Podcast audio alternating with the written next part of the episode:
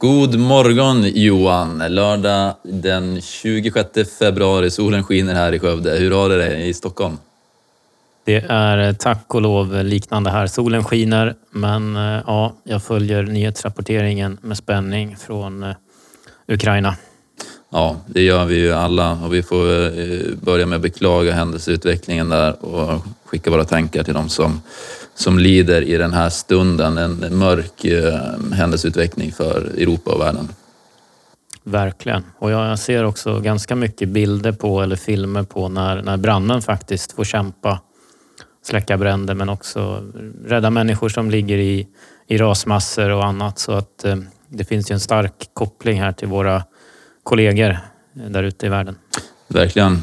Eh, att se dem jobba med skyddsväst och eh, ballistiska hjälmar är ju eh, skrämmande om något. Så med, med, med det sagt och med de tankarna skickade där så ska vi faktiskt prata om, det var ju planerat det här avsnittet länge, men vi ska prata totalförsvar och civilt försvar och, och lite av vad det innebär för oss idag och hur det har sett ut historiskt. Så att ett aktuellt ämne kan man ju säga.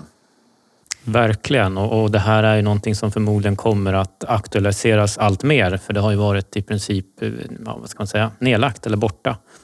Men, men nu så har vi ju i alla fall påbörjat till viss del kanske krigsplaceringar. Men vi ska bottna lite i vad som behövs framöver och som du säger också hur det såg ut förr. Om, om det är den modellen vi ska ha eller om det är någonting annat som krävs eh, i vår framtid. Spännande. Men du, innan vi kommer in till det så har jag ett nytt inslag här som jag tänkte presentera i podden. Vi ska, vi ska presentera eh, avsnittets ris och ros. Eh, det är alltså någonting som vi sett som vi tycker är bra eller någonting som vi sett som vi tycker är mindre bra. Eh, och givetvis så måste vi ha någon branschspecifik eh, vokabulär för det här. Ehm, det finns ju de som har hiss och diss och det finns eh, skavsår och plåster och så vidare. Vad, vad, vad skulle vi kunna tänka oss ha? Har du något förslag? Eh, nej, men jag, jag gissar att du har filat på några bra.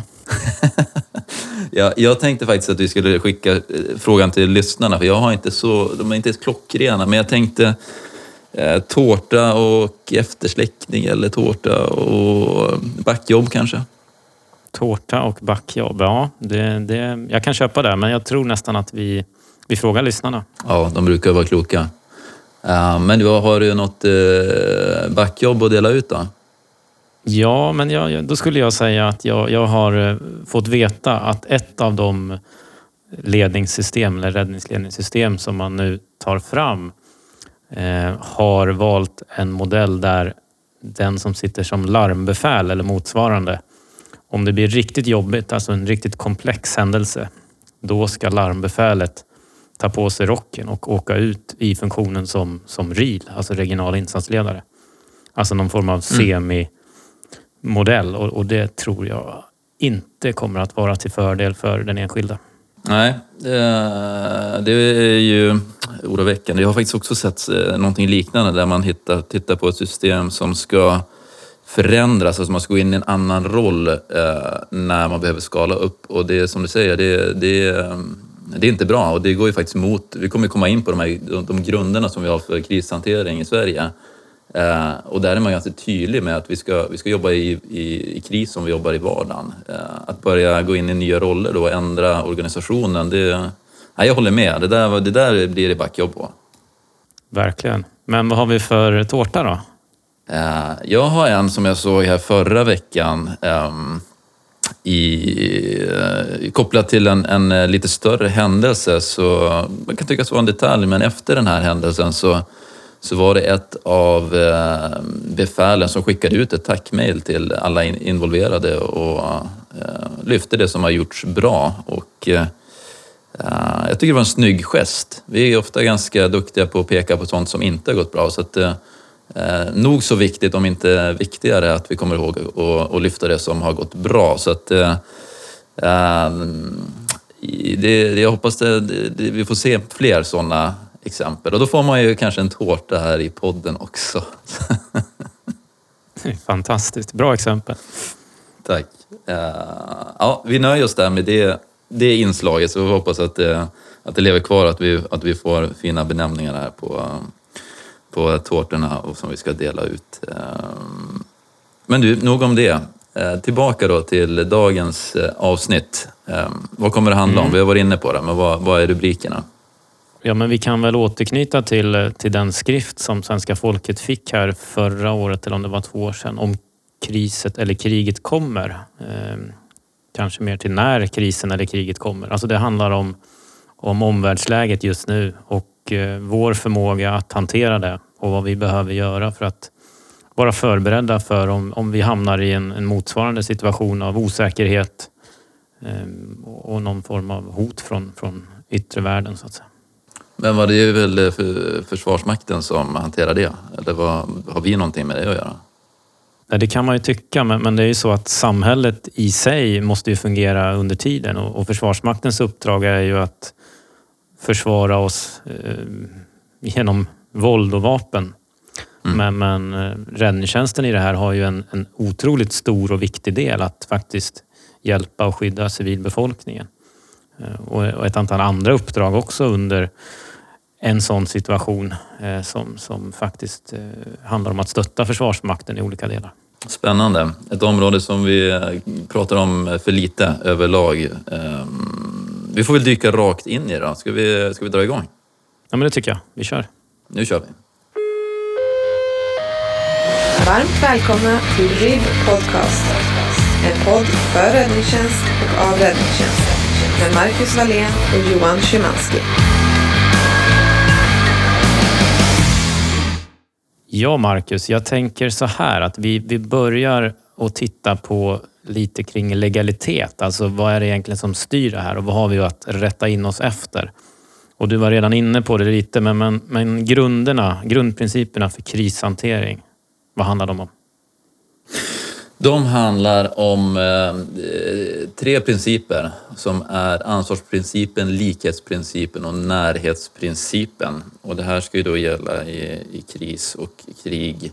Eh, som ett exempel så eh, blev det väldigt påtagligt under stormen Alfrida för oss i Norrtälje vad det innebär.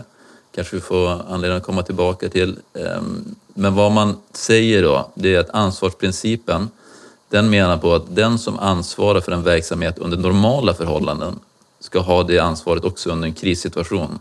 Det är alltså ingen annan som kommer in och löser det här utan det är ordinarie ansvar som, som gäller. Andra principen, likhetsprincipen, säger att under en kris ska verksamheten fungera på liknande sätt som i normala förhållanden, så långt som möjligt. Och slutligen närhetsprincipen som säger att eh, en kris ska hanteras där den inträffar och av den som är närmast berörda och ansvariga. Eh, vilket är väldigt kloka principer. Ehm, de, eh, jag brukar prata om eh, generellt att beslut ska fattas så nära problemet som möjligt och det här är ju ett, annat sätt att säga samma sak på. att där problemet uppstår, de som jobbar närmast det och som har kompetens och förmåga ska hantera det eh, i grunden och sen lyfter vi på mer. Eh, så det är grunderna för, för krishantering. Vad, vad, vad gäller lagstiftning då? Vad, vad säger LSO om det? Ja, alltså det, det finns faktiskt väldigt eh, tydligt uttalat i, i, i LSO, alltså lagen om skydd mot olyckor där och man kan titta i åttonde kapitlet. Och där står det att utöver räddningstjänstens ordinarie arbetsuppgifter så är vi skyldiga att upptäcka, utmärka och röja farliga områden. Vi ska kunna indikera, sanera och vidta andra åtgärder för skydd mot kärnvapen och kemiska stridsmedel. Och vi ska delta i åtgärder för första hjälpen och transport av skadade. Det blir ganska mycket som eh, tillkommer kan man konstatera. Verkligen. Och sen har vi också i, Sverige, vi brukar ju prata om tjänsteplikt när vi pratar våra normala vanliga insatser. Men det finns ju någonting som heter totalförsvarsplikt också. Mm. Vad är det då? Det innebär att alla svenska medborgare som är mellan 16 och 70 år är totalförsvarspliktiga. Alltså man är skyldig att eh, på något sätt tjänstgöra inom totalförsvaret. Och det kan ju vara som värnpliktig, civilpliktig eller genom allmän tjänsteplikt. Och givetvis är det inte så att man kommer sättas på en uppgift som man inte kan hantera. Men oftast så finns det någonting som, som samhället kommer att behöva hjälp med i den här situationen och då ska man vara, vara beredd att ställa upp helt enkelt. Mm. Precis, du sa någonting där, eh, totalförsvar. Eh, det är ju eh, någonting som man kanske har hört talas om sådär. Vad, vad, vad innebär totalförsvar övergripande? Man kan säga att totalförsvaret är både det militära och det civila försvaret tillsammans. Alltså det totala, den totala effekten som, som vi som land vill uppnå för att ja, skydda vår demokrati helt enkelt. Just det. Och då om man väver ihop det här som vi sagt nu så, så säger vi att eh, eh, när kriset, för det, det, det är så retoriken är nu, man, tidigare pratade man om och nu pratar man ju om när kriset eller krigen kommer, så förväntar räddningstjänsten fungera som idag. Det vill säga, mm. vi har våra ordinarie ansvarsområden, ordinarie uppgifter. Vi, vi förväntas också ta hand om en hel del utöver det här och säkerställa att samhället fungerar. Och, eh, det är ju bara att vara, vara ärlig att eh, eh, vi kommer vara de, bland de första som är involverade i och med att vi har den, fyller den rollen som vi gör i samhället. Så att det här är ingenting som man ska på något sätt ducka eh, utan snarare eh, bejaka och, och diskutera och se vad, vad, vad innebär det i praktiken för oss? Hur ska vi uppnå de här skyldigheterna som vi faktiskt har. Just det. Och jag tänker så här att vi kanske ska titta lite på, på historien också, hur det såg ut tidigare. Eh, för, för, det har ju funnits ett väldigt väl utbyggt civilförsvar tidigare i, i landet. Ja. Och där har vi en, en gäst faktiskt idag. Perfekt. Ska vi bjuda in honom? Absolut, vi gör det. RIB Podcast. Bra. Ja, Marcus, då ska vi välkomna in våran gäst för dagens program. En, en riktig tungviktare i branschen kan man säga. Verkligen. Och det är Lars-Göran Uddholm. Välkommen! Tack! Jag tänker att du, eh, det är många som känner till dig, men du kan väl beskriva lite kort eh, vem du är och din bakgrund?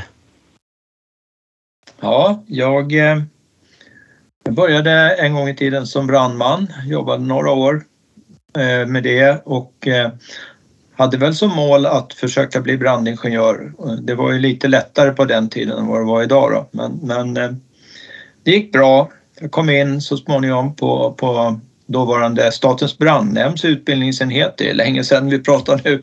Mm -hmm. Slutet på 70-talet och har jobbat inom kommunal räddningstjänst i princip hela mitt liv. I början som brandman och sen varit brandingenjör och avslutade min karriär som chef för Södertörns brandförsvar. Just det. Och eh, du är lite av en nationalhjälte efter 2014 också och där går du under ett, ett eh, smeknamn, Uddas, så är det förmodligen flera som känner till vem du är.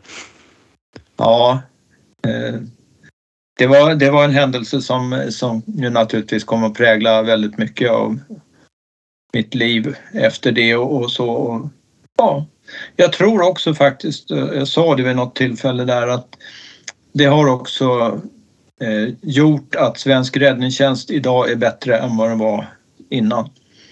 Verkligen, verkligen. Ja, vad bra. Då har vi lite bakgrund och eh, vi har ju bjudit in dig för att vi diskuterar eh, ja, omvärldsläget kan man säga, Marcus. Ja, men verkligen. Um, och det vi vill lyssna lite mer med dig, det är ju kopplat till då såklart totalförsvar, civilförsvar och hur såg det ut förut ehm, innan jag och Johan hade kommit på att vi skulle jobba i branschen. Ehm, det var lite andra tankebanor då va? Ja, det kan man säga. Då, då var ju civilförsvaret, eh, det har ju funnits och, och det fanns ju någonting som hette Civilförsvarsstyrelsen och eh, här hade man ju en, en statlig organisation så att staten gjorde en civilförsvarsorganisation. Man hade civilförsvarsområden och civilbefälhavare och så. så att man kan säga att det var en parallellorganisation till den militära organisationen. Och eh, det var, eh, byggdes ju stora förråd, byggdes ledningscentraler, stora ledningscentraler för civilförsvaret. I Stockholmsområdet har vi två stycken då, eller det byggdes två stycken. Ja, den ena tror jag är kvar idag som, som lite museiverksamhet. Men de hette Vargen och eh, Elefanten. Och, och, det byggdes även lite längre ut i länet också sådana här och, och, där var då tanken att där skulle man eh, sitta med en civilförsvarsstab och hantera det civila samhället eh, parallellt med att Försvarsmakten då satt i sina utrymmen. Det här, det var ju en, en stor organisation och den prövades ju aldrig, den övades. Det fanns anställda på Länsstyrelsen som hade ansvar för att öva eh, oss i det här och när man då började på räddningstjänsten då blev man överflyttad från Försvarsmakten. Jag hade ju gjort värnplikten där på ubåt men eh, det fick man inte hålla på med så det var inga repmöten på, på det utan man blev inkallad i civilförsvaret då och fick göra de övningarna den vägen. Och hade befattningsutbildningar och så, här, så det var väldigt likt eh, det som Försvarsmakten hade. Jag tänker bara om man tänker hotet som man såg då. Alltså vi, vi, vi, har ju, vi kommer ju in på lite vad man ser idag senare, men vad var det man ville skydda sig emot om man säger? Vad såg man för, för fiende? Det var kärnvapenhotet och man tänkte ju att eh, mycket skulle ju handla om Stockholm och att man kanske till och med skulle radera ut Stockholm. Det är därför de här centralerna inte låg mitt inne i centrala delarna utan utanför då. Just det. Mm. Och det var som jag tolkade staten och Länsstyrelsen som, som drev det här då. Att, eh, och, och, kommunen var, ja vad hade kommunen för roll i det hela då? Alltså kommunens roll den var nog ungefär samma som idag men man hade inget ansvar förrän det blev höjd beredskap. Eh, utan man var krigsplacerad via Länsstyrelsen. Idag så pratar vi mycket om att vi själva måste krigsplacera vår personal och se till att göra det här men det behövde man inte göra tidigare. Men om det hade hänt, alltså nu gjorde det inte det, då, då hade, jag tror rollen hade varit ungefär densamma som vi kommer att ha idag. Alltså säkerställa samhällets funktionalitet. Just när, man, när man var på räddningsskolorna för, för några år sedan så fanns det ju de här ja, jag vet inte vad man kallar dem, men raserade husen eller lite områden där man kunde söka efter människor. Så var, var det också en del av, av det civila försvaret från förr eller vad var kopplingen till dem? Ja. Det, det var ju Ruinstäderna kallar man dem ju för. Det var ju för övning. Mycket av verksamheten då det var kompressorer, det var bergborrar och sånt. Man skulle alltså få fram människor ur raserade byggnader och sånt här. Eh, och, och, det fanns ju jättelika förråd, eh, flera stycken runt Stockholm med materiel då, alltifrån elverk och kompressorer och allt sånt här som det var, det var väldigt mycket uppbyggt på, på det som skulle ske ute på skadeplatsen. Just det, så, så övningar och sådär, det var både eh, på ledningsnivå då, som du beskrev i, i bergrum och annat, men även väldigt mycket inriktat mot den operativa personalen? Ja. Ja, spännande, intressant.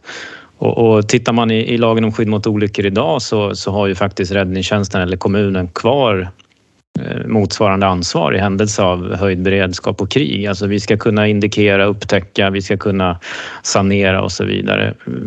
Hade man den förmågan på, jag vet inte vad vi pratar, 80-90-talet eller vad är din uppfattning? Det fanns i alla fall ett tänk. Eh, man hade ju såna här eh, luft, ja, där man spanade efter flygplan och såna här torn fanns ju uppbyggda och, och det, det var mycket och att, att det fanns för, för indikering och, och, sånt här. Hela den organisationen fanns ju. Men, men som sagt var, i vilken mån den hade fungerat och eh, ansvaret fördes ju över till kommunen så kommunen hade ansvaret. Men, men på, under 90-talet då insåg man att det är nog bättre om kommunerna får det här ansvaret helt och hållet. Och då, då förde man ju över den här eh, civilförsvarsorganisationen till kommunerna. Så, och, och då var det kommunernas ansvar både att planera, förbereda och eh, öva träna då. Just det. Och, och civilförsvaret, eh, i alla fall det namnet, så det, det, det försvann eller lades ner i princip kan man säga några år senare. Ja, det, det har ju fejdat ut under ett antal år men nu är det ju på väg tillbaks och det är en, en mycket tydlig uppgift som kommunerna har fått nu faktiskt. Att återupprätta det civila försvaret. vi pratar inte om civilförsvaret utan vi pratar om det civila försvaret och det är ju ett mycket bredare begrepp tror jag då än vad vi hade tidigare. Just det. Marcus, du har ju gått eh, utbildning lite senare än mig till brandman och sådär. Vad, vad, vad är din uppfattning? Var det här någonting som, som fanns med nu i sent 2000-tal eller hur, hur såg det ut? Nej, men jag tänker att eh, vi ser ju eh, överlag i samhället, inte minst eh, med anledning av de senaste årens eh, utveckling, att det blir mer och mer aktuellt och att det blir mer och mer omfattande. Men eh, jag är nog inte säker på att jag hade stött på begreppet överhuvudtaget i, i utbildningar. Så, så att det har verkligen varit på, på sparlåga. Um, och jag tänker då, nu har, vi, nu, nu har du beskrivit det här liksom en förskjutning från staten till kommunerna och kanske liksom en, i den här eviga fredens tid eh, att det har tonats ner eh, behovet. Eh, men rent bemanningsmässigt funderar jag på, känslan är att man har skurit ner på på räddningstjänstens och kommunens förmåga eh, i de här delarna under åren också. Eh, hur, stor, hur mycket skiljer det sig, är din uppfattning från säg 80-90-talet gentemot idag? Det är nog som du säger och det är ganska mycket. För när vi började med det här som hette RUB och KUB då, räddningstjänst under höjd beredskap, kommunen under höjd beredskap. Då pratade vi om övningsvolymer på flera hundra personer bara inom Södertörns område. Och, och man, man, startade ju på Räddningsverket utbildningar för räddningsmän och beredskapsmän som, som istället för värnplikt då gjorde det här och i händelse av höjd beredskap skulle kunna komma in och fungera i de här organisationerna. Så att räddningstjänsten skulle dels förstärkas men man hade också en tanke om att gå från fyrskift till tvåskift om det skulle bli riktigt jävligt så att man alltså fick, jag vet inte exakt hur skiftgången skulle se ut men man tänker sig att då får man ju dubbla personalstyrkan tillgänglig eh, under en kortare tid och sådär. Så att man hade mycket fokus på och det var en större organisation men det är som du säger, sen, sen kom ju det här, man, man trodde ju liksom aldrig att det, det, kommer inte att, att, bli ett krig. Alltså vi har blivit klokare än så. Vi kommer lösa våra konflikter på andra sätt. Men, men de senaste åren och eh, inte minst senaste dagarnas utveckling visar ju att eh, det tänket som vi har haft, det är inte det som gäller. Vi måste vara mycket bättre förberedda. Tyvärr tror jag att vi ligger lite efter där. Vi, vi har tappat lite tid. Om, om, vi, om vi går in på det och framtiden, man, man ska ju ofta ta tillvara historiens kunskap och lärdomar. Men du som har varit med och sett den här stora organisationen fungera och, och, och övad och så vidare och sen har, har du sett när den monterades ner och nu det nya behovet. Vad, vad ser du att vi behöver göra och, och vad, vad, tror du att framtiden innebär för det civila försvaret? Ja, tittar man i, i den här eh, rapporten rapporten Motståndskraft, tror jag den heter, eh, så pekar man på mycket bra saker där och det, jag, jag tror att eh, vi ska ha ett väl fungerande civilt försvar. Vi ska ha vår uppgift är att se till att samhället kan fortsätta fungera och, och det är inte samma samhälle idag som vi pratar på 80-90-talet. Vi är ju extremt mycket mer beroende av nya system som inte fanns då. Men, men kanske också lite mera sårbara. Vi såg ju till exempel Kalix då som blev utsatta för en sån här hackerattack där man får liksom börja om och plocka fram papper och penna och blädderblock och man kommer inte åt sånt man behöver. Alltså, vi var oförberedda för att sånt skulle kunna hända. Men jag tror att i de moderna hoten så ingår sånt också och, och vi kommer se mycket mer av det och, och, det är det som vi måste vara beredda på och det är det vi måste planera för att kunna fortsätta fungera då, även när ja, våra vanliga samhälls, eh, ja, vårt vanliga samhälle inte fungerar. När våra smartphones är bara döda liksom. Det, mm. det går inte att komma någon vart. Ja, klok reflektion. Mm. RIB podcast. Ja, det är fascinerande att blicka tillbaka och se de här stora eh, trenderna som av naturliga skäl uppstår. Och nu är vi i ett läge där vi, där vi definitivt behöver um, kanske tänka till. Eh, och det gäller ju inte bara räddningstjänsten och kommunerna utan det gäller ju som du säger hela samhället. Eh, vi är ju betydligt mer sårbara i, idag, i känslan i alla fall, än vi var förr. Det kanske är svårare att, att, att se omfattningen nu ändå. Ja, jag, jag tror det. Och, och, att veta. Jag, jag har inte följt nyhetsrapporteringen från Ukraina men det är ju lite paradox. Vi matas ju mycket med, med strider och, och, och, bomber och annat men parallellt med det här så finns ju ett fungerande samhälle. Eh, och, och, det måste ju finnas. Det ska ju fortsätta finnas. Vi måste ha det för att fungera. Vi kan ju inte krypa ner i några skyddsrum och eh, sitta där och vänta på att det ska gå över utan det här är ju någonting som eh, kommer pågå under lång tid säkert. Vilket i och för sig då, eh, det är ju också någonting vi har monterat ner, skyddsrum.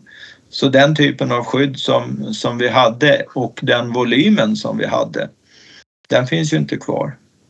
Sen vet jag inte om det är så att vi ska satsa på det då eller om det finns annat vi ska göra men, men eh, mycket har ju liksom bedömts inte behövas och, och sen blir man så påmind. Och det är ju faktiskt samma sak under pandemin. Jag vet, mm. jag har några finska vänner som jag umgås med. De skrattar åt oss och säger att ja, ni har ju inte haft krig på så länge så ni har ju glömt bort att man måste ha en beredskap.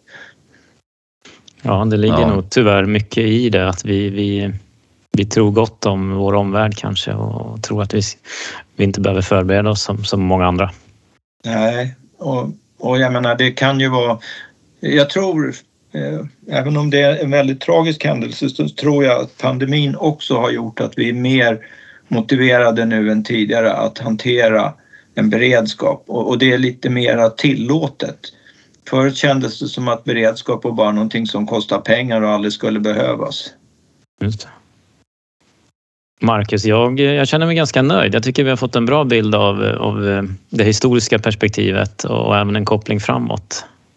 Ja men verkligen. Verkligen. Och äh, inte minst var det väldigt trevligt att både se och höra dig Odas. Det, det var länge sedan och verkligen kul att se dig igen. Ja, det är kul att se er också. Jag håller ju på lite fortfarande och har kvar lite uppdrag inom räddningstjänsten. Jobbar med ledningsuppbyggnad och annat. Ja, jag har noterat det. Vi, vi har inte blivit av med det än. Vi får stå ut med det ett tag till då. Ja, jag tror det. Räkna några saker till i alla fall. Ja, det är strålande. Eh, tusen tack för att du tog dig tid att prata med oss här i podden. Härligt. Ha en bra dag och lycka till. Ni som ska ta hand om och planera för framtida civilförsvaret. Det är inget uppdrag jag har. Podcast. Intressant samtal Marcus, att, att Eh, staten en gång i tiden ansvarade för en, för en separat organisation som sedan tilldelades regioner och kommuner och nu har vi förskjutit det här till att bli ett ansvar helt och fullt för kommunerna och regionerna. Ja men verkligen.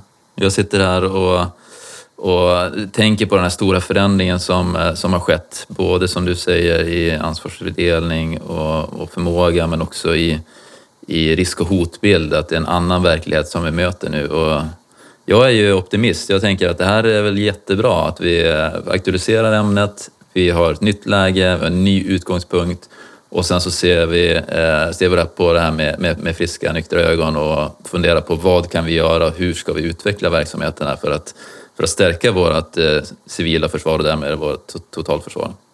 Mm. Och man kan väl också säga som så att många kommuner väljer att avvakta det för man, man vill ha pengar från staten för att kunna ta i de här frågorna. Men, men jag tror att när det gäller beredskap och annat så, så måste man faktiskt vara proaktiv själv. Man kan inte bara sitta på kammaren och vänta utan här handlar det om att ta sitt eget ansvar och faktiskt, som du säger, fundera på vad kan vi bidra med och vad är vårt ansvar? Och är vi beredda mm. att ta det? Precis. Och det finns ju som alltid när man tittar på förändringar ett, ett brett spektrum av åtgärder och, och, om man identifierar det man kan göra så ska man ju, kan man vara ganska säker på att det finns en del eh, relativt lätta åtgärder eh, att vidta för att komma igång. Eh, inte minst en sån sak som att titta på krigsplaceringar om man inte har gjort det. För att eh, det kan ju vara så att vår personal försvinner och blir grönklädda till exempel. Mm. Och likväl, eh, Uddas var ju inne på att man, man utbildade ju väldigt många räddningsmän, sanerare och liknande tidigare. Och de mm. finns för, förstås kvar någonstans och det, det, går ju att knyta till sig en del av den personalstyrkan igen eh, genom ganska enkla medel. Så att här handlar det nog om, om, eh, om att eh, tänka till och ha en, en gnutta av fantasi också för, för att nå lite effekt. Precis.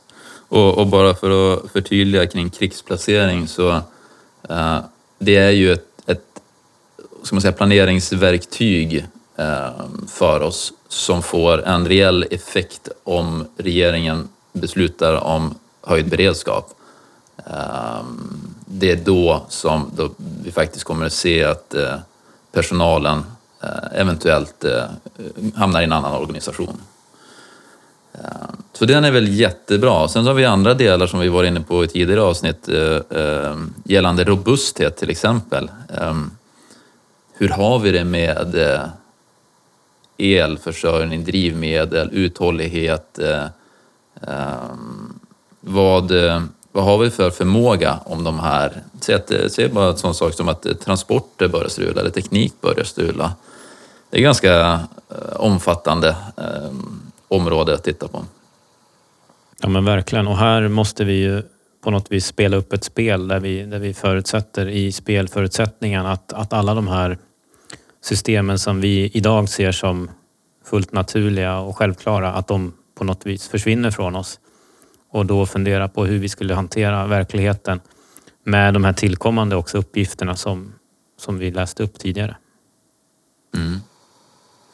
Och eh, jag, jag, tänker att eh, eh kommunen gör, eh, har ju skyldigheter att titta på bland annat risk och sårbarhetsanalyser, gör det kontinuerligt. Så att där finns det nog mycket att hämta om man inte, om man inte redan har kikat på det. Men eh, ta ett sånt där enkelt exempel som att eh, många går över på digitala lås. Eh, brandstationer som, där, där man har så kallade plippar eller liknande för att komma in eh, det, det, det händer ju att, att det inte fungerar. Då måste man ha en lösning för det. Till exempel. Så det, där har vi eh, någonting som vi definitivt kan och bör göra själva. Titta på den robustheten och se till att vi fungerar i, i, i både kris och krig. Mm. Och, och, någonstans så kan man ju fortfarande känna att det här det känns fjärran på något vis att ens diskutera de här frågorna och det, många tycker kanske till och med att det är larvigt. Det kommer inte komma någon invasion till Sverige. Men men förmodligen så, så satt eh, människor i Ukraina, precis som du och jag sitter nu, vid datorerna. Man studerar, man, man har olika former av ja, digitala möten och man, man, ser ganska positivt på framtiden och sen händer det här på väldigt kort tid. Så, mm. så omvärlden är inte densamma som den var för ett år sedan utan den, den kan faktiskt förändras snabbt. Och det finns väl ingen som, som tycker att vi ska sitta och vänta utan vi måste vara beredda. Precis. Och om inte annat så, så kan man ju ta krisen som övergripande rubrik och titta på bara stormar som vi haft, eh, extremväder som vi förväntar oss, översvämningar och liknande. Det kan ju ställa till det nog så mycket. Så att, eh, det är väl en bra ingång om, om inte annat. Mm, verkligen. verkligen. Eh, jag tänkte nämna frivillighet också. Eh, det finns ju en, en, en, en, koppling där och kanske är det ett helt avsnitt i sig, men, men eh, organiserad och eh, spontan frivillighet är någonting som, som man bör ha ett tänk kring i alla fall. Ehm, FRG till exempel, vad, Frivilliga resursgruppen, hur, hur fungerar en sån organisation i korthet? Det handlar ju om att man då på kommunens ansvar så att säga organiserar människor med olika typer av förmågor som man, man anser sig ha behov av i händelse av kris framförallt då kan man säga. Det kan ju vara allt ifrån att eh, köra lastbilar till att eh, stå för utspisning till, till kommunens personal eller till räddningstjänsten. Så det här är ju en typ av civil försvarsorganisation förstås då, som liknar den som, som Uddas beskrev på på 90-talet, även om den är betydligt mer enklare i sin form förstås. Mm. Precis. Och det finns ju en mängd eh, frivilliga, frivilliga organisationer eh, som är en jättebra resurs för oss, eh, för samhället i stort men också för räddningstjänsten att titta på. Som du säger, liksom det, det finns ehm, eh, gott om eh, lastbilschaufförer, eh, transportmöjligheter, fordon, Eh, radiokommunikation, eh, utspisning, alltså otroligt mycket. Så den, den bör man titta på om man inte redan har gjort det och se vad har vi i vårt närområde och hur kan vi knyta till oss den här förmågan som faktiskt finns i samhället. Mm. Ja, verkligen. Och jag såg en intervju med, med rikshemvärnschefen här för någon dag sedan att ansökningarna till att bli, eh, gå med i hemvärnet hade ökat med, med, flera hundra procent. Jag tror att man hade tusen ansökningar på väldigt kort tid nu. Så att man ser ju att den här typen av, av kriser och krig i samhället påverkar den enskildes ambition och, och vilja att, att ställa upp. Och det, det var ju någonting som vi såg efter skogsbränderna också, både 2014 och 2018, att, att det var lättare att rekrytera. Mm, verkligen. Och det är eh, återigen, vi kan inte beklaga nog händelseutvecklingen, vad som händer, men, men eh, Eh, vi får ju samtidigt fånga upp det positiva som enar oss som, som nation och som eh, möjliggör att vi kanske tar bättre tillvara på varandras förmågor och, och, och knyter ihop oss mer i samhället. Verkligen verkligen. Men du, jag tycker att vi har, vi har sammanfattat det här ganska bra. Vi, vi har pratat om principerna för krishantering. Vi har pratat om vad vi har för ansvar enligt lagen om skydd mot olyckor. Eh, och vi har fått en bild av hur det såg ut förr, men också kanske hur det kommer se ut längre fram. Då. Att det, det är inte alls samma typ av, av konflikt som vi, vi ser riktigt. Exakt. Ja, det, man kan väl inte begära så mycket mer på den här korta tiden. Utan jag jag tycker vi har täckt in mycket och förhoppningsvis skapat lite intresse. Och jag är ju jättenöjd om det här innebär att eh, vi har några kollegor där ute i landet som kommer till sin arbetsplats och uh, kanske gör någon liten åtgärd. För det är ju det, det, det är de små åtgärderna som tillsammans blir, um, som blir vår gemensamma förmåga. Mm. Och det här handlar ju om, man ska vara lite historisk där, att det handlar om att bevara demokratin och sen Gud bevare konungen. Oj, ja. Det får väl vara avslutningen då med de orden. Bra. Vi tackar för oss och eh, på återseende. Tusen tack till alla lyssnare. Tack Johan. Ha en fin lördag. Du har lyssnat på RIB Podcast, en podd för räddningstjänst och av räddningstjänst med Marcus Wallén och Johan Szymanski. Producerad av Timmy Selin, grafik Adam Dahlstedt.